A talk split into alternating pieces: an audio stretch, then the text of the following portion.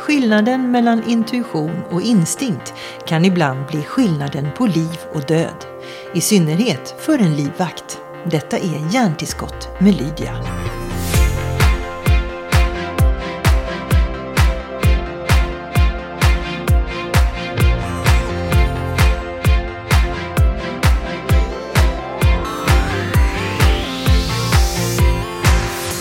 Du, jag kom på att jag inte vet vad du heter i efternamn. Liksom du, du, Det är bra. det är meningen naturligtvis. Ja, men för jag, jag går under livvakten Karl och det var ju för att eh, eh, tror jag Expressen la ut den när jag var, blev skjuten.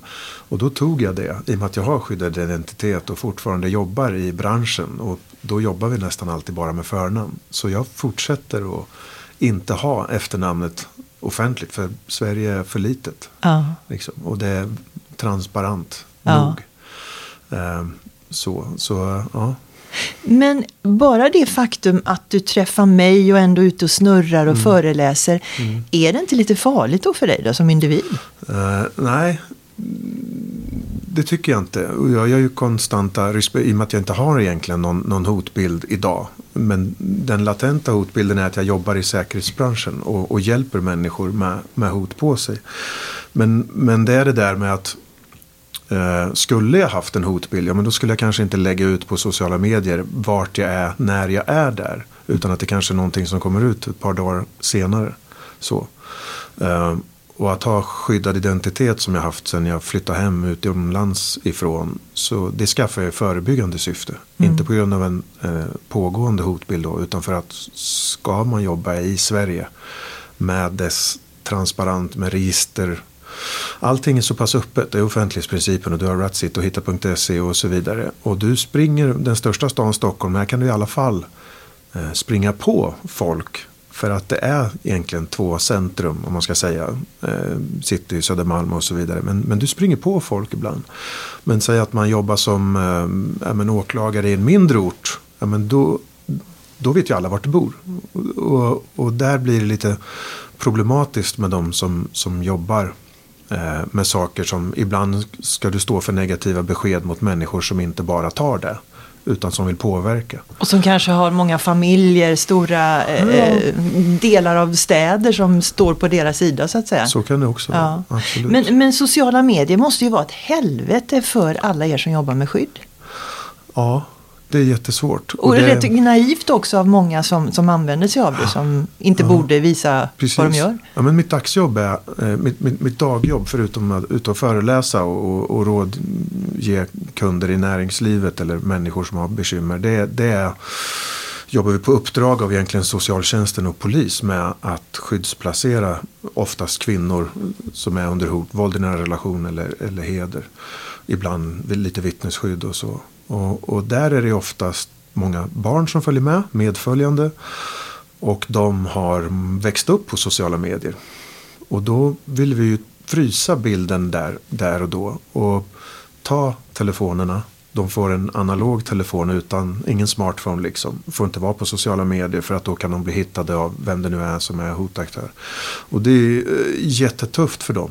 Det är supertufft. Eh, och, och det är nästan det är en av de större anledningarna till att när folk blir röjda, alltså när hotaktören hittar den som den är ute efter, är på grund av sociala medier. Mm.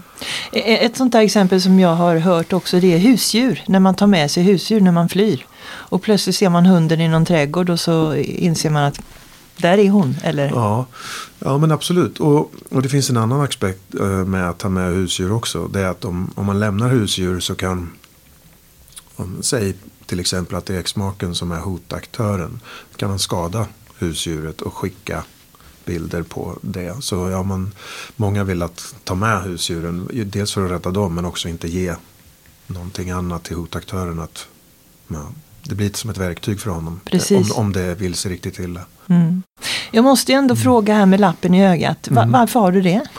Uh, jag fick ju syra i ansiktet. Så jag förlorade hörseln på höger öga. Jag förlorade mm, ja, nästan halva ansiktet där. Så all hud som sitter där är taget från armarna. Och ögonlocket är från tror jag, baksidan på örat. Det, det friska örat. Och eh, jag blev blind. Och tårkanalerna är ganska trasiga. Men ligger inte riktigt rätt. Och eh, mitt ögonlock kommer inte heller, är inte ett riktigt ögonlock utan att det är ett eh, ögonlock gjort, gjort av andra delar av, av, av huden. Och då blir det ganska strävt på insidan. Så det skaver hela tiden på ögat samtidigt som tårkanalen inte funkar. Så det rinner tårvätska nerför ansiktet. Så, och när jag har ögonlapp så slutar det rinna helt enkelt. Då får jag lite vila från det. Mm. Har du ont? Jag har jämt ont. Eh, men jag är reumatiker. Jag fick ledgångsreumatism 97. Så att få kortisonsprutor och gå på smärtstillande eller cellgifter för ledgångsreumatism. Det har jag haft, sen, det har jag haft länge nu. Mm. Och, och, innan, jag var en frekvent besökare av sjukhus sen jag var liten. Liksom. Brutit handleder, tummar och, och boxning och MMA och, och varit sådär. Så sjukhus jag trivs ganska bra där. Det är ett andra hem. Jag, jag gillar att bli opererad. Nästan det är ju knäppt nästan. Ja, men jag, jag är så van med att vara opererad. Jag, jag, jag ser fram emot nästa. Och nu har, nu har jag väl haft säkert 30 operationer. Ja, 25-30 där jag blivit sövd sista 10 åren. Ja, är du färdig med alla operationer då? Nej, det är jag nog inte. Jag kommer nog fortsätta men inte i samma takt som jag haft hittills. Liksom. Mm. Men nu måste jag fråga, hur kan man lita på din kapacitet när din kropp är så påverkad av allt detta? Kan du liksom fighta som jag behöver om jag skulle nyttja dina tjänster? Uh, nej, jo, det kan jag säkert. Men, men jag jobbar inte operativt längre som livvakt. Jag slutade jobba som, som livvakt när jag flyttade hem till Sverige 2010. Och då gick jag in på ett företag här i Stockholm som eh, risk management rådgivare och affärsområdeschef för personsäkerhet. Och blev mer utbildare på det företagets livvaktsutbildningar. Eh, och eh, konsult egentligen till ledningsgrupper, företag, människor med mycket pengar eller mm, av andra anledningar befinner sig under medias uppmärksamhet eller, eller behöver stöd och råd i, i, i sin personliga säkerhet. Liksom. Mm.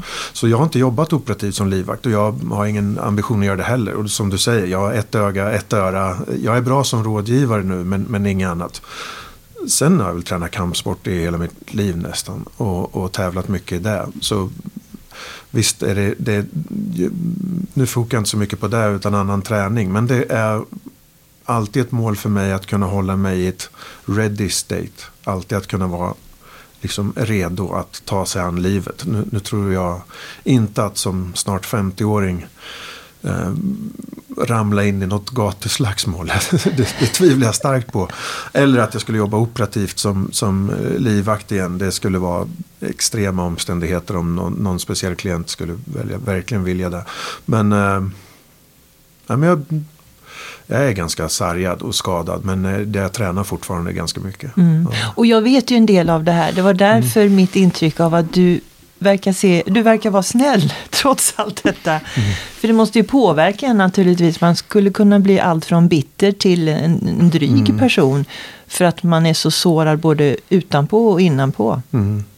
Ja, men jag var, jag var, blev cynisk, lite cynisk ett tag. Man, man, eh, jag fick ju rätt cool upplevelse ändå. Jag har haft ganska många roliga upplevelser. Och, och um, ett att vara livvakt utomlands och se alla de här som är på tv och, och få följa med hur de är i verkliga livet och sådär. Och sen komma hem, lägga livvakts, livvakteriet på hyllan, bli Svensson, börja träna, jobba 8 till 5 på ett vanligt företag. Och, och sen i, i, en märklig kontext så blir jag själv skjuten. Då, får, så då får jag uppleva att få livvakter. Så jag blir skyddspersonen och brottsoffret. Och så fick jag känna på hur det känns att dels vara eh, totalt maktlös och ligga på sjukhus och inte kunna gå. Och vara rädd för vi förstod inte riktigt varför jag blev där först. Vi hade, hade liksom ingen hotbild utan det var ju då en, en, en tjej som jag dejtade en kort stund vars ex-make, ex-man inte ville att hon skulle gå vidare. Då. Uh, och då hamnade jag i hela det här rättegång, rättsväsendet, förhör, eh, sjukvården, operationer och, och också få fightas för att få rätt behandling, eh, få rätt hjälp som finns. Men kanske inte man alltid får, utan man får liksom googla rätt på det själv. Hur, vad är bästa behandlingen för syra i ansiktet. Vad kan man få så man blir mest återställd? Ja, men det fick jag själv googla upp och, och ta reda på och sen ta upp som förslag och, och verkligen kriga för det. Liksom. Uh, uh, men jag, jag vart för mig så har det alltid varit viktigt att få att ha mål och syfte. Liksom. När jag, och jag har alltid varit en tävlingsmänniska. Jag tävlar i golf, tennis, tävlar jättemycket i skateboard. Vart sponsor av Per Holknekts gamla skateboardföretag på den tiden. Och var ute och tävlade. Jag var i USA och skata. Eh, sen kom hem, la skateboarden på hyllan. Tyckte inte det var så mycket utveckling i det längre för mig personligen. Och började boxades. Då var det ett nytt mål liksom. Och, och efter det jag lite syfteslös. Hade lite problem att hitta fotfästet efter boxningen. Fick ledgångsreumatism. Och men då fick jag ett nytt mål att komma tillbaka. Liksom. Jag kunde inte gå på ett tag. Jag kunde inte, Ehm, jag kunde inte knyta mina egna skor. Jag kunde inte sätta på mig brallor. Dåvarande flickvän fick hjälpa mig med det. Jag kunde inte träna. Jag var sjukskriven. Och eh, Eh, tog ett, ett, bra tag innan jag fick diagnosen ledgångsreumatism. Och då var ju kroppen rätt sargad och började bli så här knotiga leder på, på redan. Eh, och när jag väl fick diagnosen och började få medicin som då var ganska tuff. Nu finns det ju mycket bättre. Ehm, eh, I samma veva så, så såg jag också en nära vän. Jag växte upp i en liten stad. Som gick, som det gick väldigt snett för. Som, som trillade dit och, och mm, för mycket alkohol, för mycket festande, ibland droger och sådär på dem.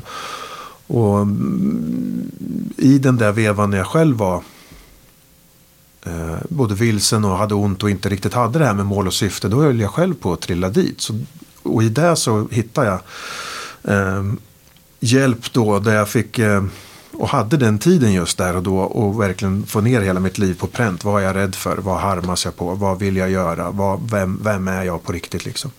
Så sen den dagen då, då, tog jag ett beslut. Jag ska inte röka, jag ska inte dricka, jag ska inte snusa. Jag ska inte, och det är 21 år sedan, 20, något sånt, 20 år sedan någonting nu. Um, och, och då börjar min egentliga jakt på att gå emot alla rädslor som kan komma upp. Um, och som ledgångsreumatiker med tunga mediciner och haltar, kunde inte springa. Då, då vart det liksom det här. Först personlig tränare, jobba som det ett tag. Kostrådgivare, lära mig kroppen ordentligt. Bygga upp en reumatisk kropp igen. Eh, och sen eh, nästa utmaning blev, då var jag nere i Borgholm. Strandhotell jobbade som personlig tränare en sommar. Sprang på några livvakter där. Dels från Victoria-dagarna tror jag. Och, och frågade hur kom man in på det här och li, lite så.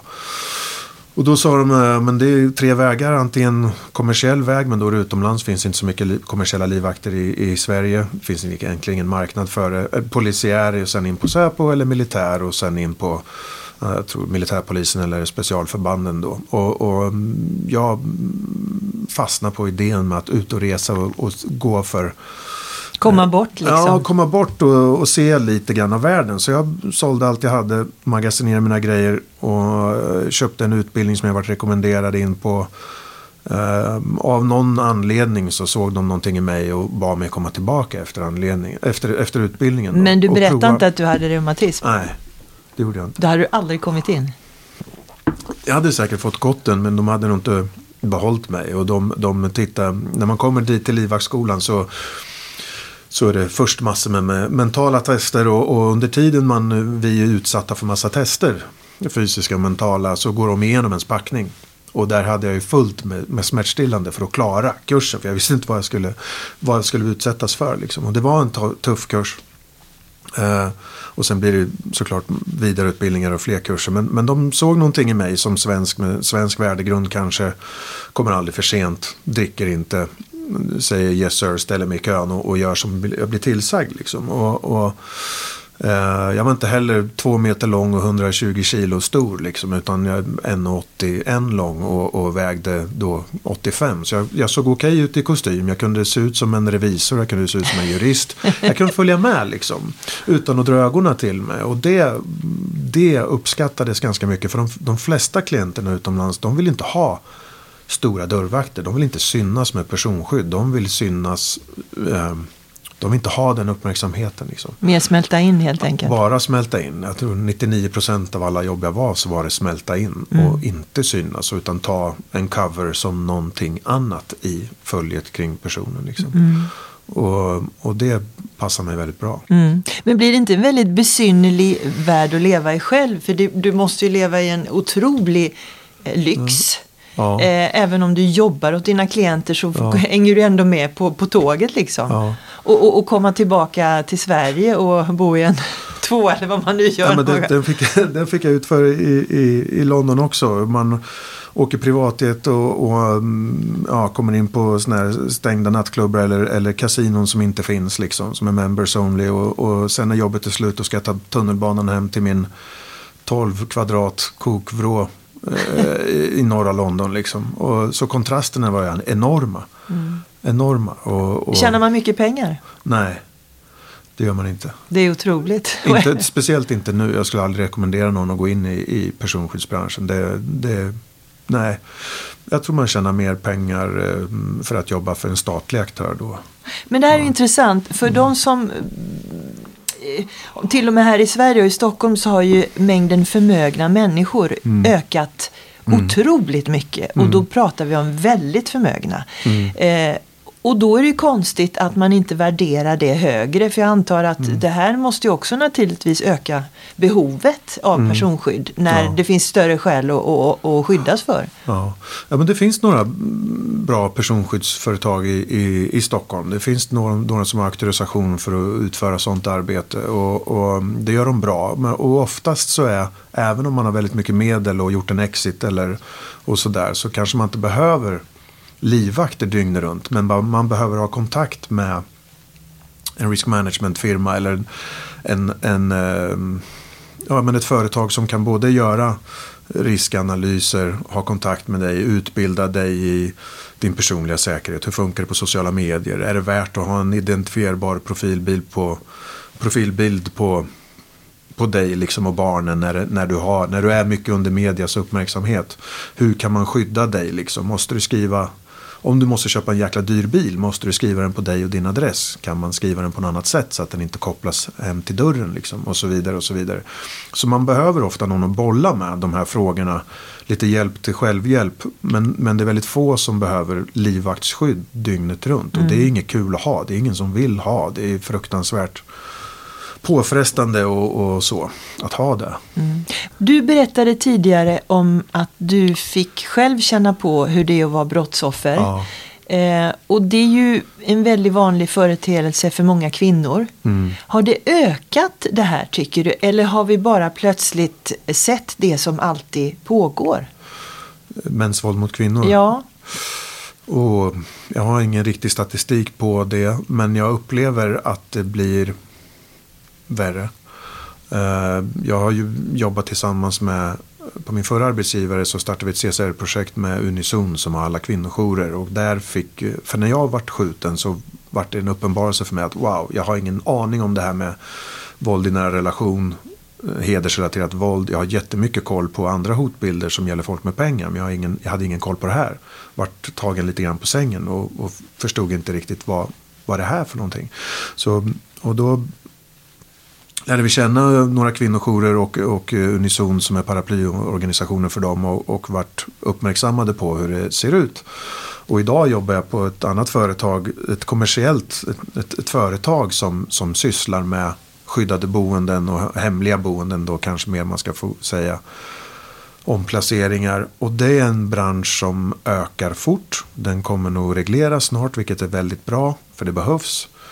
Ehm, men jag för hemliga boende kan vara vad som helst. Det kan vara att jag Ja. säger jag kan ta emot folk i mitt vardagsrum om ni behöver. Det kan vara på den nivån till mer organiserat. Det eller? är säkert vissa som har det på den nivån. Eh, vi har inte så.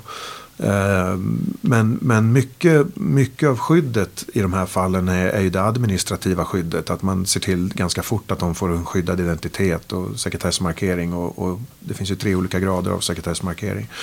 Eh, och sen eh, jobba med riskhantering för att gömma undan dem och matcha in dem i en stad där, där nätverk inte finns och, och sådana saker. Men om, om, om jag upplever att det ökat mäns våld mot kvinnor, jag tror att det har det. jag tror att det är så. Vi pratade tidigare om intuition som ibland kanske kan förväxlas med magkänsla. Eh, jag försöker jobba upp eh, de här naturliga känslorna som vi lite grann har mot, motat bort för allting är så digitalt och sådär. Kan, va, kan du leva med en magkänsla där du känner det åh, det här känns inte bra? Ja. Och hur mycket litar du på det? Ja, ganska mycket. Sen vad jag tar för action kring det, det, det är en annan femma ibland. Men, men ehm, Men är det intuition då?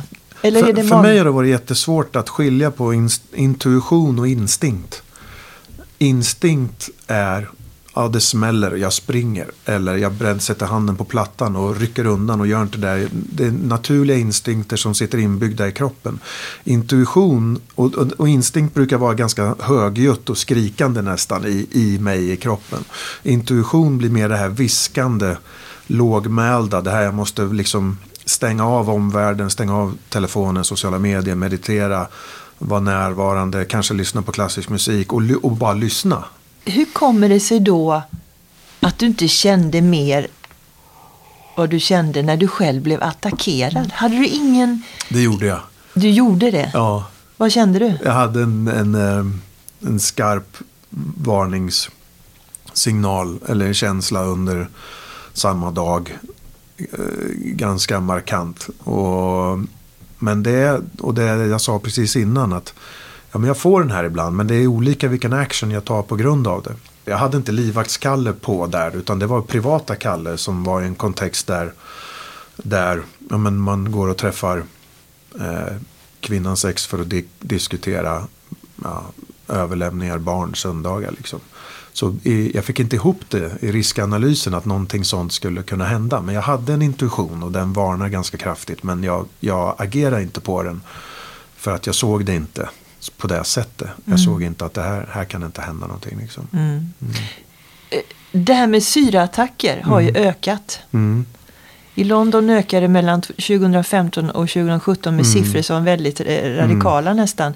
Detsamma verkar hända i Sverige. Kan du säga någonting om det? Vill du det? Ja, men jag tror att dels är det, ja, det är fruktansvärt elakt. Eh, jag, jag, jag känner igen statistiken du säger från London. Man använder också till exempel att råna. Speciellt i de fina områdena. De dyr, menar, det, här också på Östermalm kan det gå omkring handväskor för 150-200 000 liksom. Och, och att råna någon och kasta någonting i ansiktet på dem och ta väskan och springa. Det, det händer. Uh, och, och som ett vapen, det kanske inte är det, det bästa men det är rätt lätt att bli skadad själv och hantera en sån där, sånt där frätande material också. Men jag tycker det, är det är fruktansvärt och, och framförallt för brottsoffret eh, är det. Det är mycket operationer, det är, det är jäkla hemsk känsla att känna att ko, huden kokar i ansiktet på en. Liksom. Och sen att bli helt van eh, Eh, ställd i eh, och inte. För mig, för mig så har inte jag brytt mig så mycket om hur jag ser ut. Liksom. Men jag är, kill, jag är man. Och i min bransch så är det nästan klädsamt att vara ärrig. Liksom. Men, men, och jag har alltid haft perspektivet eh, liksom, inifrån och ut. I början när jag såg mig i spegeln så såg jag ut som ett, det såg ut som att jag blivit överkörd av en skördetröska eller slåss med, slagits med en pitbull. Liksom. Eh, men jag såg ju inte mitt ansikte. Jag har ju levt med mitt utseende i, i då, jag över 30 år. Och, och, men jag såg reaktionen på människor som träffar mig i vardagen då.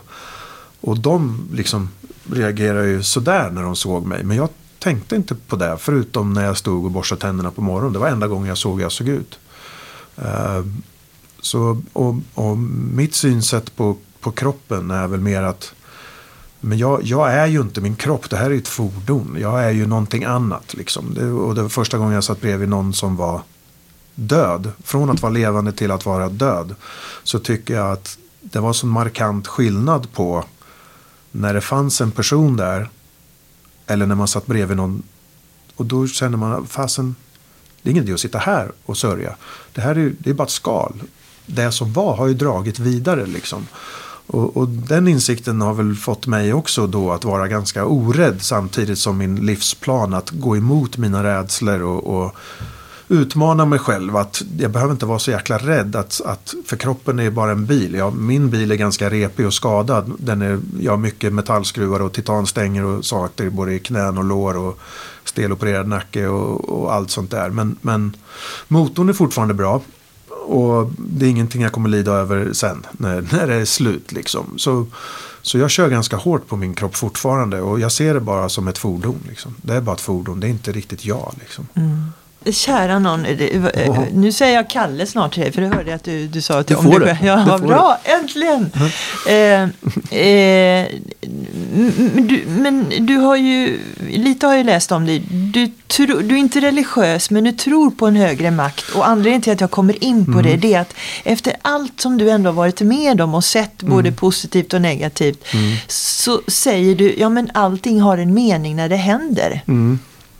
Sa du så precis efter attacken också? Eller när du liksom råkade ut för något annat? Eller ja. har det här vuxit med, med åldern? Nej, jag sa det så fort jag vaknade från attacken.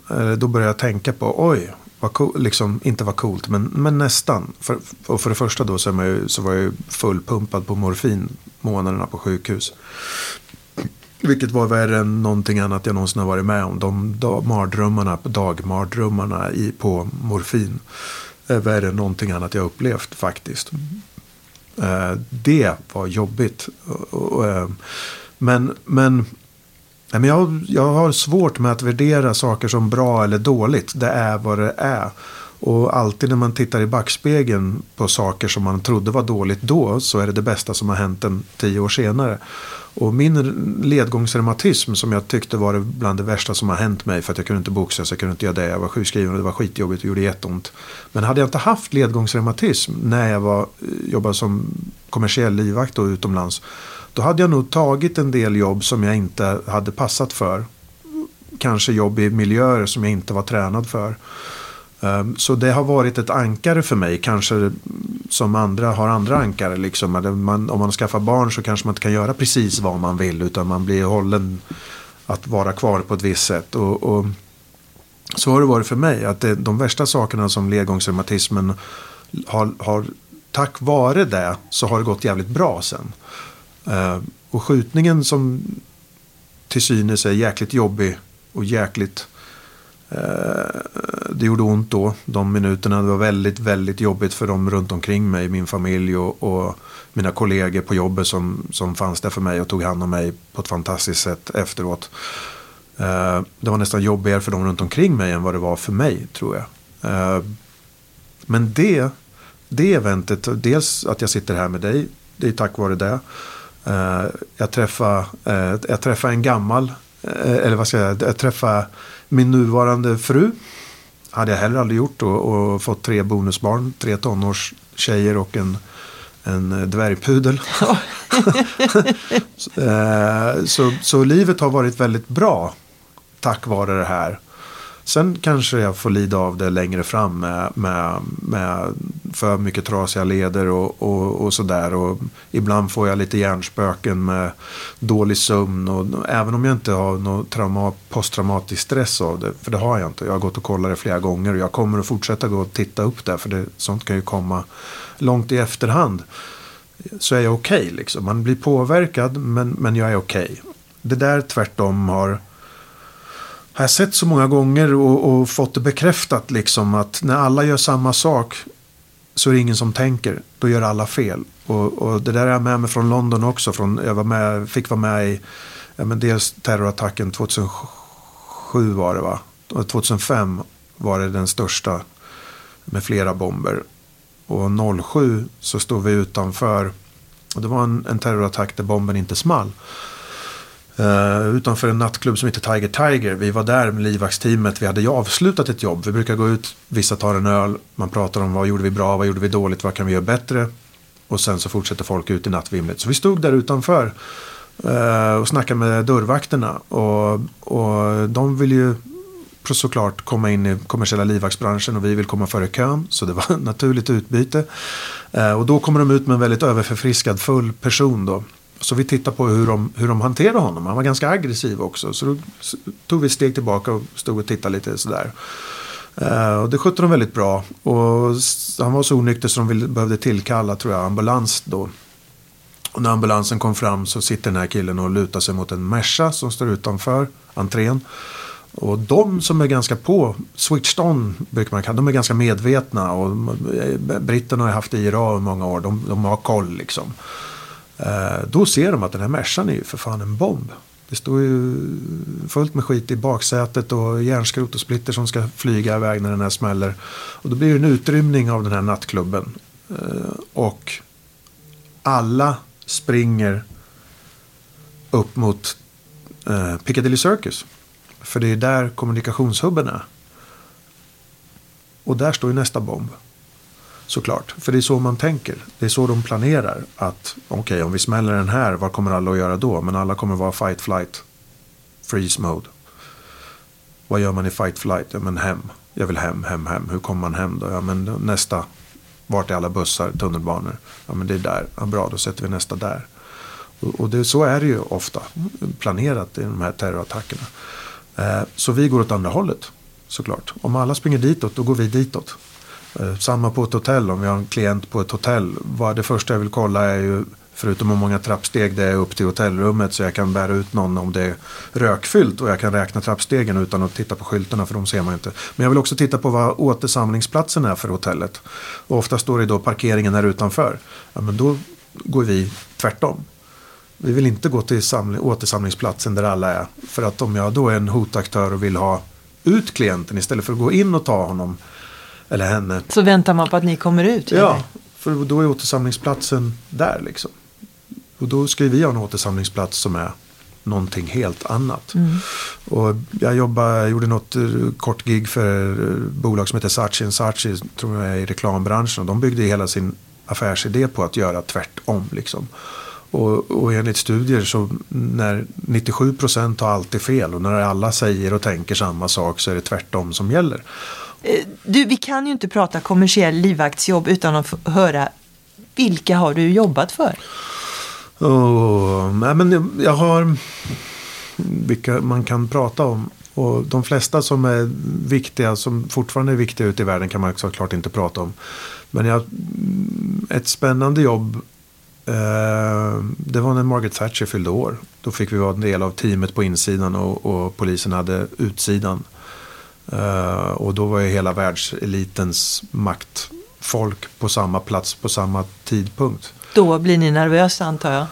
Ja men det var nog många som var nervösa. Jag var nog eh, alldeles för upp i, mitt, i mitt, uh, mitt syfte på, på det uppdraget. Och, och mitt jobb på den, den tillställningen det var att vakta en dörr i en restaurang. Det var en Mandarin Hotel i London. Och i, de har en fin restaurang där. Och ett av borden i restaurangen Eh, lite liknande fåtöljer som, som, här, som vi sitter i nu. Eh, står framför en dörr och bakom den dörren så är det en konferenslokal. Där står drottningmodern och pratar till alla presidenter och, och, allt vad det kan vara där inne. Och eh, till den här tillställningen så var det en, en, eh, en ganska elak och högljudd kock som jag inte ska nämna vid namn. Men han skulle genom den dörren och fixa kanapéerna. Och mitt uppdrag från min boss, och min boss var min mentor också, som, som ryckte mig från livvaktsskolan direkt. Han sa, eh, Karl, ingen kommer förbi den här dörren. Ingen. Jag sa, ja, det är tydligt, klart.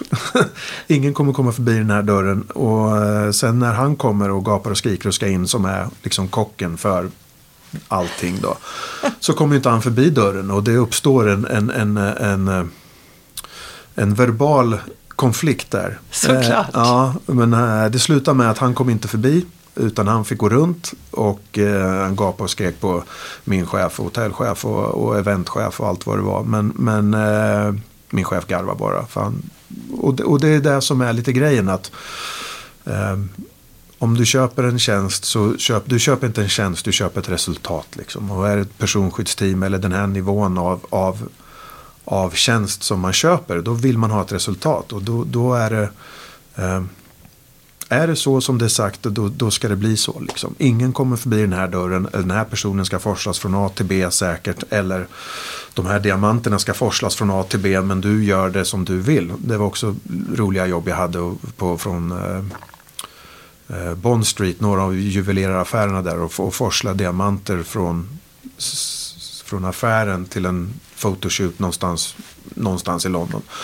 Och, Vad tar du dem då innanför kavajen eller? Nej, då, då, de hade ju testat mycket med värdetransporter och hela, hela den svängen. Men de mycket ganska inside problematik och de vart rånade och det var ganska elak, mycket elakheter på det. Så då började de anlita eh, livvakter istället på kort varsel. Och i och med att jag bodde centralt då så fick jag då och då sådana jobb emellan livvaktsjobb. Eh, och min specialitet var trasig t-shirt, trasiga jeans, Tescos påse, typ ICA kanske. Dubblar och kanske eh, en träningsryggsäck. Går in på juvelerarbutiken, kanske Van Cleef eller något, något sånt. Eh, in bakom kulisserna, titta vad det är för stenar jag skulle ha med mig, fota allt, dokumentera, ringer boss, det här är värdet jag har. Uh, jag har en adress, jag ringer när jag kommer fram. Liksom. Och, och sen så tar jag tunnelbana. Med kanske 15 miljoner, 20 miljoner i en ryggsäck. Tvärtom eller, och, liksom? Ja, ja, inte synas, bara smälta in. Och ingen skulle kunna tänka att jag sitter på en tunnelbana fullt med stenar. Liksom. Och, och ser, ser, försöker se så trasig och, och smutsig och fattig ut som möjligt. Mm. Och sen bort, de fotar, jag sitter och väntar och sen tillbaks med det. Liksom. Har du aldrig varit rädd någon gång? Jo, jo absolut. Uh, det har jag. Flera gånger. Uh, ganska ofta. Och det är ju bra. För då blir man lite mer alert. Ja. Man får inte bli för rädd, men, men absolut. Eh, och, inte, och inte bli dumdristig heller. Liksom. Eh, och göra saker i, i, i, omedvetet utan medvetna handlingar. Men jag har varit rädd och ett av de första jobben eh, ett av de första jobben när jag skulle liksom etablera mig på marknaden där så, så, ringer ett team som, som hade hört att jag hade gjort ett annat jobb som gick ganska bra. Eh, och då säger de Ja men du ska, det är ett enkelt jobb. Du ska bara ner till South Kensington, Chelsea, ner där en diplomatbostad. Det är en, det är en person som vars eh, vi har flyttat på honom. Livvaktsteamet har flyttat på honom. Eh, han är inte där. Det finns eh, eh, eh underrättelser som säger att det är en person som har kommit landa in i London ikväll för att ta honom. En hitman liksom har landat in i London för att, för att ta den här personen. Eh, så de hade flyttat på honom. Men det var personal kvar i huset. Det var städerskor, det var, det var assistenter. Det var, så det fanns personal kvar i huset. De visste inte om såklart hotbilden utan man hade bara flyttat på familjen. Så de ville att jag skulle vara där för dem. Då. Eh, och och det var, då var jag grön och själv. Och eh, ingen planering, inget... Eh, det var sista minuten liksom. Vem är villig att ta det jobbet? Och, så jag åkte dit. Eh, och eh, satt där under natten. Det var ingen som kom såklart. Men visst så eh, man stod och smög där och tittade ut genom fönstren. Och man hinner fundera. Upp. Ja, man, man hinner fundera ganska mycket. Absolut. Ja. Finns det någonting som, som du ångrar i ditt liv? Nej. Det är ju otroligt att kunna säga det ändå. Nej, men jag, ja, kanske. Jag, jag tror inte det. Inget jag kan komma på. Och jag, jag har mina rutiner. Så jag gör, jag gör eh, bokslut. Eller jag gör rent hus nästan varje kväll. Jag har mina rutiner. Jag lägger mig med min hund uppe i garderoben. Eh, och så ligger jag och skriver eh, bra, tack, hjälp, harm, rädd, oärlig, självisk. Uh, det är mina rubriker och sen skriver jag ner allt det. Vad jag har gjort som är bra idag. Vad jag har, gjort, har jag varit rädd idag? Har jag varit oärlig idag? Ja, men då måste jag ringa direkt och säga. Eller har jag dragit en vit lugn i onödan? Eller har jag varit självisk? Mot, har jag, istället för att hjälpa till med middagen har jag ja, men allt, allt från högt till lågt. Liksom. Är det samma rubriker varje dag? Ja. Och ibland addar jag några. typ doer. Om jag har ett mål nu och mål är tävling eller, eller, eller nå mål med föreläsningar. Eller som nu då bokprojekt, skriva en bok. Eh, vad jag har gjort för att komma närmare mitt mål. Då kallar jag det för doer. Så jag har de rubrikerna och, jag, och jag, det är en kvällsrutin samtidigt som jag stretchar och den brukar avslutas med lite medit meditation. Så, så jag, har, jag behöver inte göra sådana här bokslut en gång om året och åka på retreat och bli helt knäckt. Utan jag, jag har lite varje kväll istället. Ja. vad, vad, vilk, under vilken rubrik hamnar den här stunden på tror du? Ja, men den hamnar nog i doer-kolumnen. Att eh, ja, men jag gjorde någonting som kommer att föra det här nya, lite läskiga framåt. Lite mera föreläsningar och, och gå utanför komfortzonen. Liksom. Att bli, det blir, låser upp lite mer av mig att göra sådana saker. Och, och, det är ju målet, att låsa upp så mycket som möjligt av mig och bli mera av mig. Um, bli mer den riktiga Kalle? Ja, eller ännu mer av uh, Kalle, Kalle 4.0 liksom. Uh, jag har varit skateboardkalle, jag har varit boxningskalle, jag har varit MMA-kalle, jag har varit livvaktskalle, jag har varit brottsofferkalle och nu är jag föreläsarkalle och rådgivarkalle liksom kanske. Och, och äkta man-kalle. Uh, Inte minst. Ja, låtsaspappa-kalle. Ja, det är helt nya dimensioner som är jätteläskiga ibland. och läskigt på riktigt att vara, vara uh, plastpappa. Liksom. Jag tycker det var trevligt att träffa alla Kalle. Ja, Tack för att du kom. Tack.